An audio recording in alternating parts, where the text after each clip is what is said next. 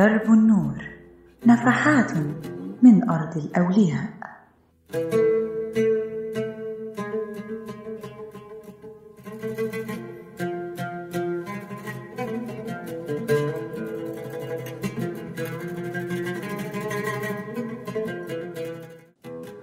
أهلا بيكم في حلقة جديدة من برنامجكم درب النور نفحات من أرض الأولياء واللي بنتكلم فيه عن أولياء مصر الصالحين.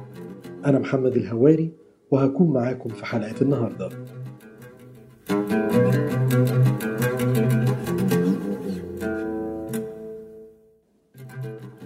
اللي هنتكلم عنه النهاردة من مواليد القاهرة وكان بيقول إن الغرام هو الحياة فمت به صبا فحقك أن تموت وتعذرا. قل للذين تقدموا قبلي ومن بعدي ومن أضحى لأشجاني يرى. عني خذوا وبي اقتدوا ولي اسمعوا وتحدثوا بصبابتي بين الورى.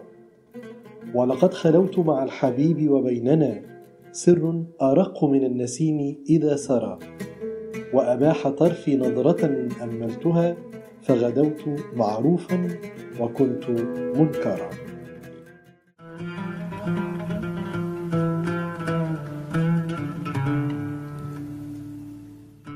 اللي بنتكلم عنه النهاردة عمر ابن أبي الحسن علي بن المرشد ابن علي والمعروف باسم عمر بن الفارض. ليه اتسمى بابن الفارض؟ لأن أبوه كان بيشتغل في المواريث وده كان اسم وظيفته الفارض. وهو من يقوم بإثبات حقوق النساء على الرجال أمام الحكام. المؤرخين اختلفوا كتير على تاريخ ميلاد عمر بن الفارض. البعض قال سنة 556 هجرية البعض قال 560 البعض قال 576 والبعض قال 577 هجرية. كتير جدا سمعنا الكلمات والأشعار بتاعت عمر بن الفارض اللي أنشدها أمين الدشناوي وكمان ياسين التهامي وآخرين. ولكن خلونا نتعمق أكتر في قصة عمر بن الفارض عمر بن الفارض كان زاهد زي أبوه اللي رفض منصب قاضي القضاء واعتزل الناس وتفرغ للخطابة في الجامع الأزهر. عمر بن الفارض عاصر أربع ملوك صلاح الدين الأيوبي والعزيز والعادل والكامل. وده طبعا كان في عصر الدولة الأيوبية اللي أعادت مصر مرة أخرى إلى المذهب السني. هو كمان عاصر مشايخ وعلماء كتير زي شمس الدين الأيكي سعد الدين الحارثي الحنبلي والقاضي أمين الدين بن الرقاوي وجمال الدين الأسيوطي وشهاب الدين السهروردي وبرهان الدين الجعبري والقاضي شمس الدين ابن خلكان وكان عايش في المقطم في مكان اسمه وادي المستضعفين.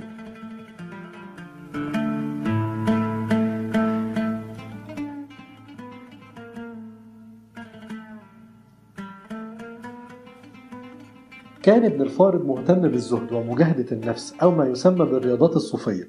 بيقول مثلا فنفسي كانت قبل لوامة متى أطيعها عصت أو أعصي كانت مطيعتي. فأوردتها ما الموت أيسر بعضه وأتعبتها كيما تكون مريحتي. فعادت ومهما حملته تحملته مني وإن خففت عنها تأذت. وأذهبت في, في تهذيبها كل لذة بإبعادها عن عادها فاطمأنت. من أشهر القصايد اللي أنشدها الشيخ أمين الدشناوي لعمر بن الفارض قصيدة مشهورة اسمها ته دلالا واللي بيقول فيها ته دلالا فأنت أهل لذاك وتحكم فالحسن قد أعطاك ولك الأمر فاقض ما أنت قاض فعلي الجمال قد ولاك. وتلافي إن كان فيه ائتلافي بك عجل به جعلت فداك. وبما شئت في هواك اختبرني فاختياري ما كان فيه رضاك.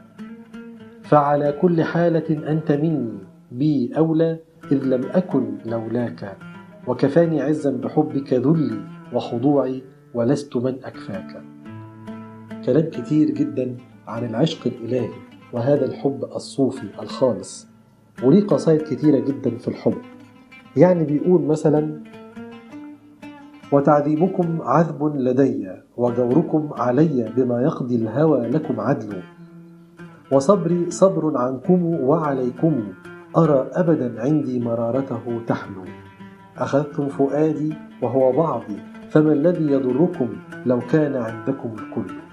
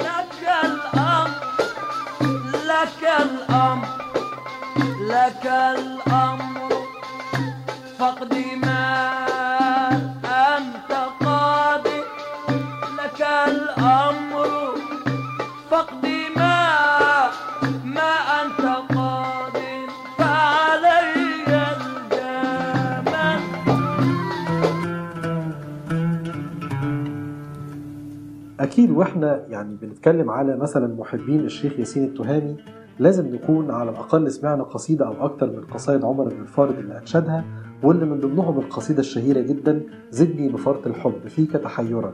واللي بيقول فيها عمر بن الفارض زدني بفرط الحب فيك تحيرا. وارحم حشا بلظى هواك تسعرا. وإذا سألتك أن أراك حقيقة فاسمح ولا تجعل جوابي لن ترى. يا قلب أنت وعدتني في حبهم صبرا فحاذر أن تضيق وتتجارى إن الغرام هو الحياة فمت به صبا فحقك أن تموت وتعذرا زدني.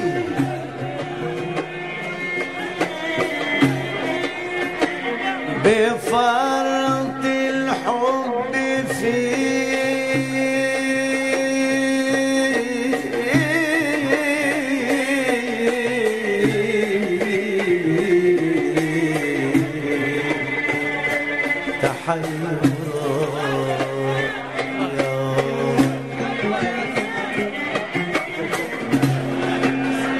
وارحم حشم بلا ضغواك